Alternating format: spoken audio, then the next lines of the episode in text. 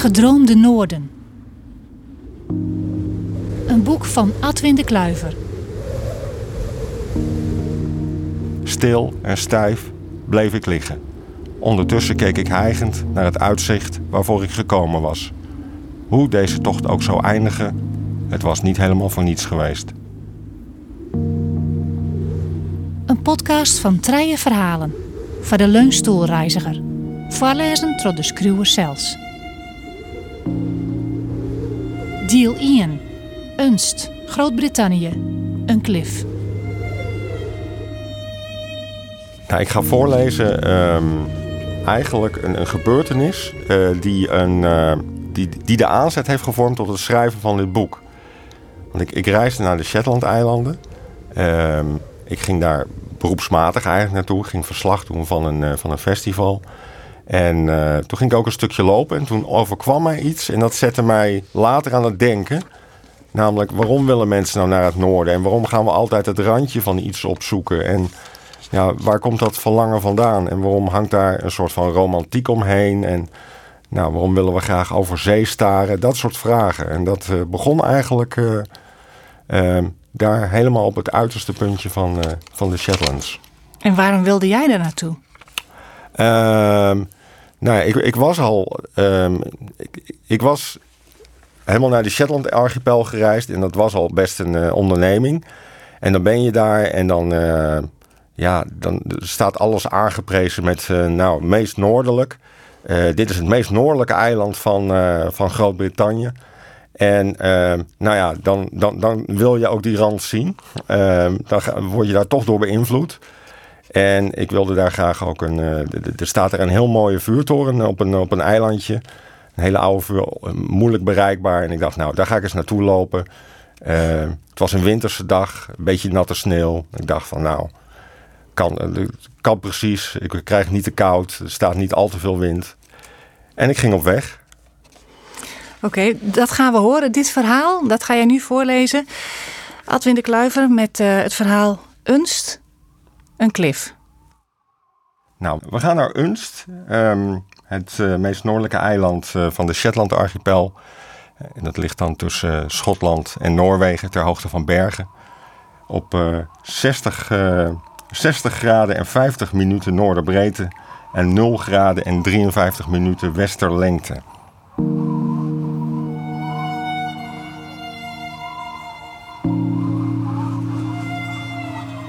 Het uh, scheelde weinig of ik was in het hoogste noorden aan mijn eind gekomen. Eén meter slechts scheidde mij van een gespleten schedel, gebroken ledematen en uitpuilende ingewanden. Ik lag op mijn rug op het ijs en ik keek tussen mijn voeten door naar het panorama voor me. Eén beenlengte verderop begon de afgrond. Beneden spatten de golven in chaotische fonteinen uiteen op de kliffen. En daar, in de diepte, lag Mogolflura, een schuin uit zee oprijzend rotseiland, gekroond met een witte vuurtoren. En daarachter stak nog oud Stek zijn donkere kop boven de golven uit, het meest noordelijke stukje Britse rots. Vervolgens begon het lege, waterige grijze niets. De Atlantische Oceaan, dan de Noordelijke IJszee, daarna de Noordpool. En ergens, achter de dunne scheidslijn tussen lichtgrijs en donkergrijs, moest ook Ultima Thule liggen. Het mythische land in het hoge noorden waar ontdekkingsreizigers en wetenschappers naar zochten en schrijvers en filosofen van droomden. De Griekse zeevaarder Pytheas, de naamgever van Thule, die was in de 4e eeuw voor Christus in zijn zoektocht naar het uiterste noorden hier nog voorbij gevaren. Het was ook juist eh, dat verlangen naar het noorden wat me in de problemen had gebracht. Hier op Unst, het bovenste eiland van de Shetland-archipel, ergens halverwege tussen Schotland en IJsland, is Noord de dominante windstreek. Op dit uit gras, veen en steen opgetrokken stukje land aan de uiterste rand van het Verenigd Koninkrijk was vrijwel alles verbonden met het noorden. Het dorp, een bushalte, het postkantoor, de brouwerij, de chocoladefabriek, een supermarkt, een tearoom, een kerk, een huis en het museum. Alles werd aangeprezen met het bordje meest noordelijk. En zo lag ik dus met doorweekte kleren te overleven op de ijzige grond van Hermanes, de meest noordelijke kaap van Groot-Brittannië. Een armlengte verder naar het noorden begon de steile klifwand. Ruim 100 meter naar beneden sloegen de golven stuk op de zwarte rotsen. Het was de belofte van de uiterste rand die me hier naartoe had gelokt. Aanvankelijk was de wandeling over Kaap Hermanes nog een pleziertochtje. De bodem was weliswaar wat drassig, het sneeuwde, maar de temperatuur lag boven nul. De sneeuwkristallen smolten langzaam nadat ze de grond raakten. Het pad over de 200 meter hoge top was nog zichtbaar. Totdat de route afdaalde naar de klifrand. Op de noordelijke helling drongen de schaarse winterse zonnestralen niet door. De natte sneeuw veranderde in een broze ijskorst, waar ik onmiddellijk doorheen zakte. Hoe dichter ik bij de rand kwam, hoe steviger de korst werd. En ineens was het ijs op deze koude noordhelling bestand tegen mijn gewicht en bevond ik me op een hellende, spekgladde vloer. En bij de volgende stap die ik zette, ging ik onderuit. Langzaam gleed ik naar de afgrond. Ik klauwde woest om me heen, op zoek naar grip. Met mijn benen probeerde ik door het ijs heen te trappen. De adrenaline gierde, mijn hart bonkte, mijn mond vloekte... terwijl ik meter voor meter in slow motion richting diepte gleed. En pas toen ik me op mijn rug draaide, vertraagde mijn werdegang enigszins. De ruwe stof en de gespen van mijn rugzak verhoogden de wrijving met het ijs. Een door de ijslaag heen stekende pol gras gaf enig houvast en met mijn voet op de schaarse sprieten en mijn lichaam zo breed mogelijk gespreid, was de weerstand groot genoeg om het van de zwaartekracht te winnen. Stil en stijf bleef ik liggen. Ondertussen keek ik hijgend naar het uitzicht waarvoor ik gekomen was. Hoe deze tocht ook zou eindigen, het was niet helemaal voor niets geweest.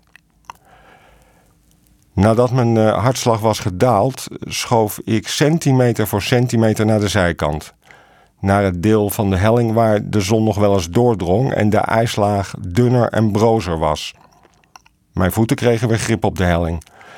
Met enige moeite trapte ik door de knapperige laag. Een paar meter verder ging die al over in natte ijsblubber. Met trillende benen kwam ik overeind. Dolblij dat niemand deze allesbehalve heldhaftige ontdekkingsreiziger als een paling op het droge had zien kronkelen. Zelfs in doodsnood denkt een mens blijkbaar nog aan zijn publieke imago. Kletsnat stampte ik over Kaap Hermanes. Mijn schoenen zonken weg in het sombige hoogveen. Bezweet en doorweekt kwam ik op de parkeerplaats bij het verlaten bezoekerscentrum aan. Het noordelijkste toilet van de Britse eilanden bleek gesloten. Bij mijn auto deed ik mijn door zweet en smeltwater doorweekte broek, trui en jas uit. Om mezelf warm te houden trok ik een regenpak aan. En als een oceaanzeiler in een gehuurde Suzuki Alto reed ik naar het zuiden. De titel van Meest Noordelijke Doden liet ik achter me liggen.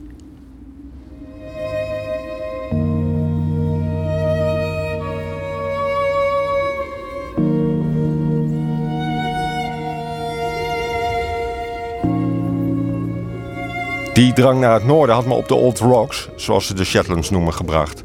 En nergens manifesteerde het verlangen naar het noorden zich zo hevig als tijdens Up Helly A. Het vuurfeest waarmee de Shetlanders iedere derde dinsdag van januari de lange winter probeerden te verjagen. In Lerwick, de hoofdstad van de Shetlands, hadden ze er de straatverlichting voor uitgedaan. Door het donker schuifelden duizenden schimmen naar het startpunt van Up Helly A. Een lichtkogel vloog de nacht in en het feest kon beginnen. Overal werden toortsen aangestoken. De lucht vulde zich met rook en de geur van teer en brandend hout. Mijn jas deed ik open, de handschoenen konden uit, de sjaal af. De vlammen van de fakkels stuwden de temperatuur een Lerwick op tot zomerse hoogte. Ruim 900 mannen, allemaal gekleed in de vreemdste kostuums, marcheerden met een toorts in de hand achter een houten vikingschip aan. De stoet werd aangevoerd door een vikinghoofdman, de zogenaamde Gizar Jarl, die samen met zijn bebaarde manschappen een jaar lang aan het schip hadden gebouwd. Ze zwaaiden met strijdbijlen, uit hun kelen kwamen ruige vikingkreten. De vermommingen van de andere deelnemers verwezen meestal naar de actualiteit. Maar politieke correctheid was aan de eilanders niet besteed. Vrouwen, homo's en exotische buitenlanders waren populaire verkleedthema's. Een groep Arabische dames in niqab 23 Freddie Mercury's en een stel Mexicanen trokken aan de toeschouwers voorbij. Een groep bebaarde mannen met overgewicht hadden zich in een roze jurk gehesen en verbeelden het thema Dirty Dancing. Toppend van actuele goede smaak waren wel de vrolijke IS-strijders die met een kromzwaard het publiek bedreigden. Gelukkig waren de Pokémons, papegaaiduikers, emojis, schapen, poezen, piraten en dartvaders een stuk onschuldiger. De mannen met maskers van Laurel en Hardy waren ronduit nostalgisch.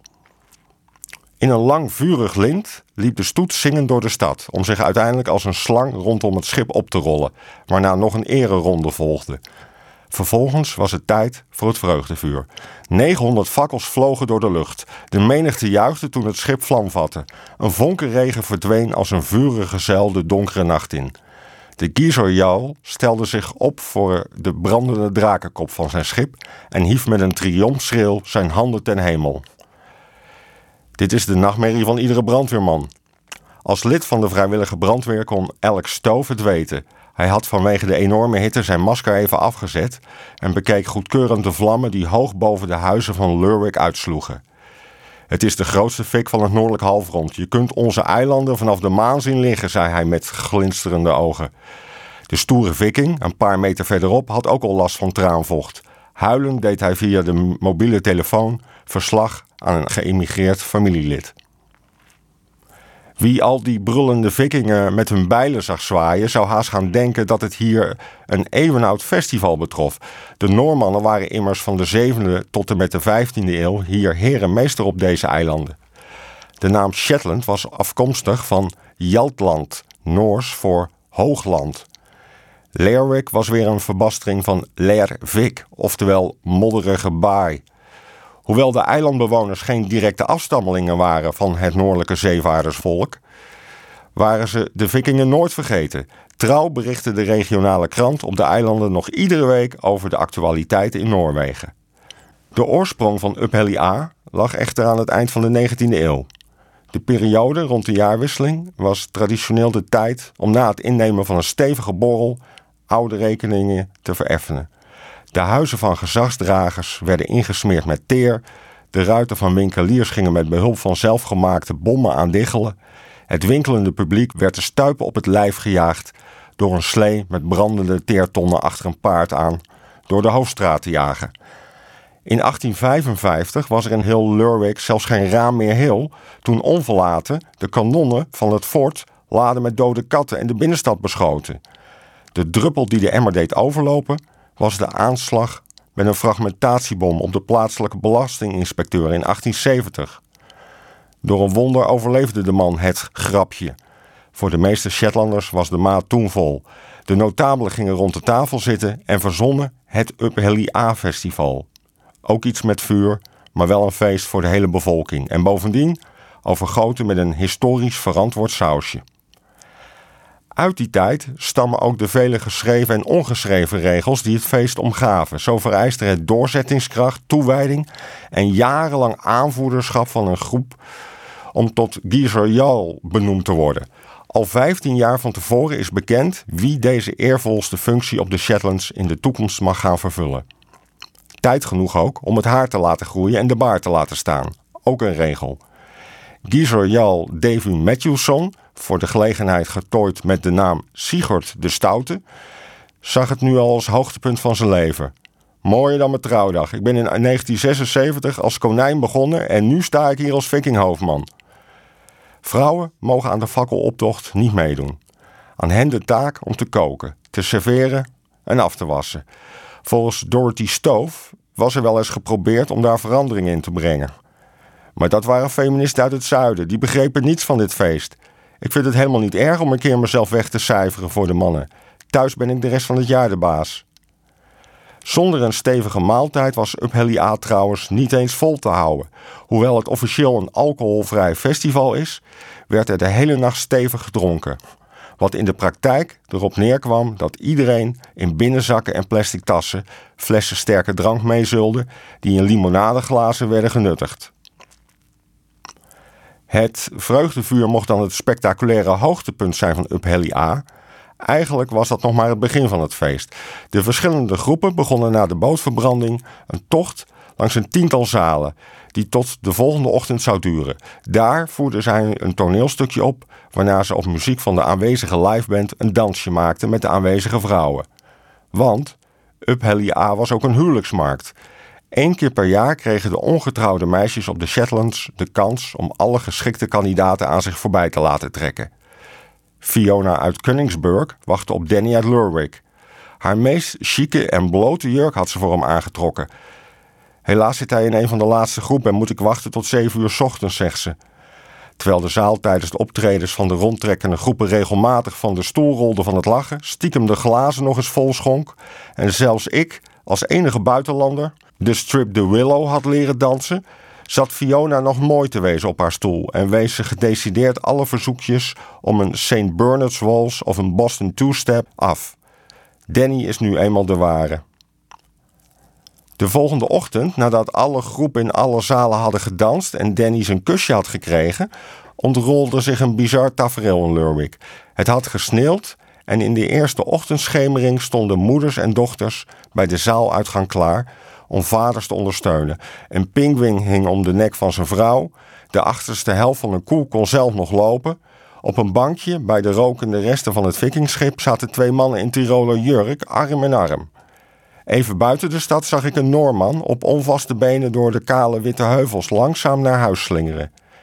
Toen in de donkerblauwe ochtendlucht een veeg groen noorderlicht was te zien, hief de man zijn vuist naar het oplichtende hemelgewelf. Vikings! Brulde hij met schorre stem naar zijn bedachte voorvaderen, de metalen helm schuin op het hoofd. Een eenzame pony keek van onder zijn besneeuwde haardos de wachtelende man na. Ik kon bij het tafereel maar één ding bedenken. Ik was in het noorden, het gedroomde noorden.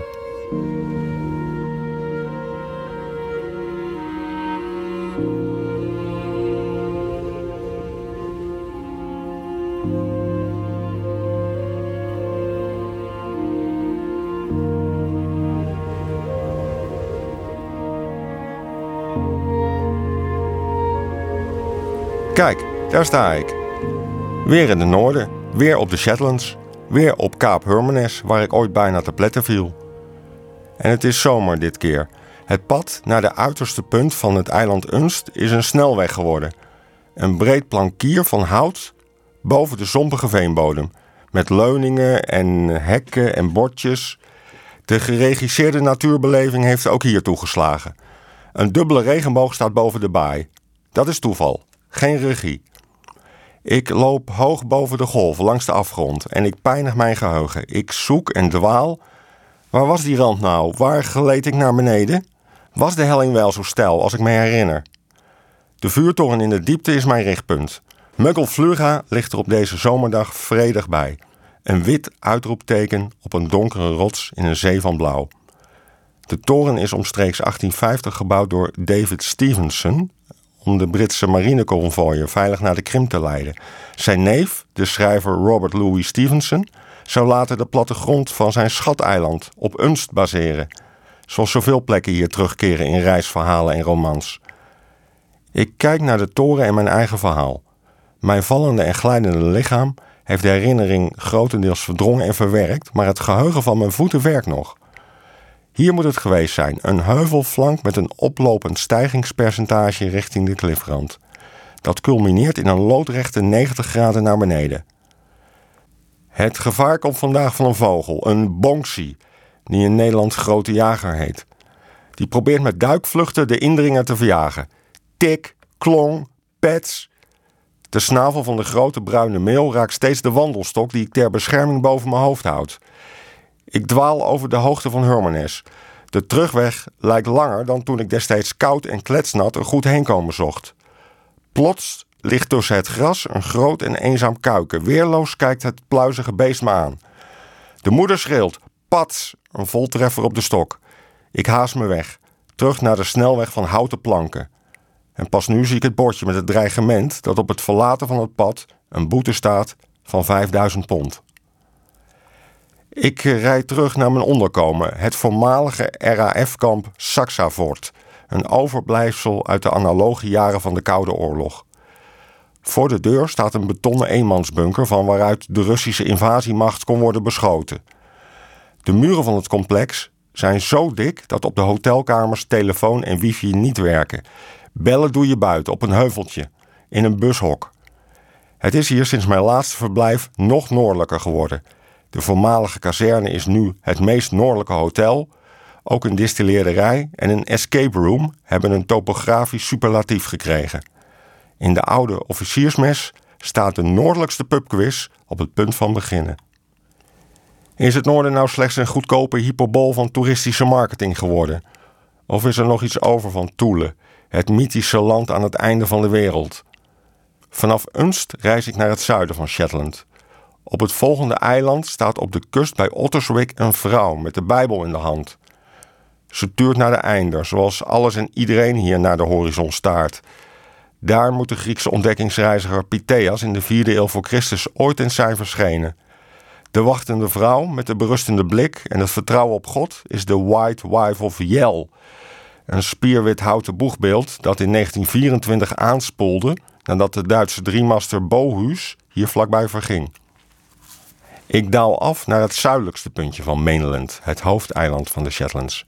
En ik beklim Fitful Head, de kaap waar Sir Walter Scott in 1822 in zijn roman De Piraat de gestrande kapitein Cleveland op de uitkijk zette. Ruim 280 meter boven zeeniveau moet elke reiziger uit het zuiden zichtbaar zijn. Zoals de Venetiaanse Zenobroers, zoals de Vikingen, zoals Pytheas. Maar vandaag is er niets te zien. De wind komt met een kracht 10 aangestormd vanaf Schotland en de Orkneys. Het vliegverkeer ligt stil. Zelf moet ik een goed heenkomen zoeken. Gehurkt zit ik in een kuil vlakbij weer zo'n gevaarlijke klifrand. Lopen is onmogelijk. Hagel geestelt mijn gezicht. De wind geeft ongevraagd vlieglessen. Beneden in de baai ligt Jarlshof, een duizenden jaren oud bolwerk van beschaving.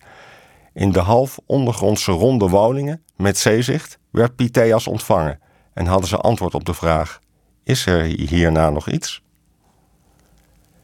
In de hoofdstad Lurwick ga ik op zoek naar oud-Griekse overblijfselen. Zoek je Tule? Dan moet je bij de haven zijn, zegt Andrea Sim, bij wie ik een kamer huur. Daar staat de Tulebar. Iedereen is er wel eens dronken en verliefd geworden. Soms hadden die twee zaken iets met elkaar te maken. Dat het iets met een Griekse ontdekkingsreiziger heeft te maken, dat heeft ze nooit geweten. Ik ken wel de Tule Held Club, daar heb ik jarenlang geprobeerd om kilo's te verliezen. Op de Shetlands hebben ze niet zoveel met de Grieken. Wij houden meer van vikingen. Dat is onze klassieke oudheid. Wanneer ik s'nachts langs de Tulebar loop, klinkt er een woest gebrul uit het dranklokaal. Om de hoek slaan twee dronken mannen met ontbloot bovenlijf elkaar op het gezicht. Het vikingbloed, dat kookt weer even.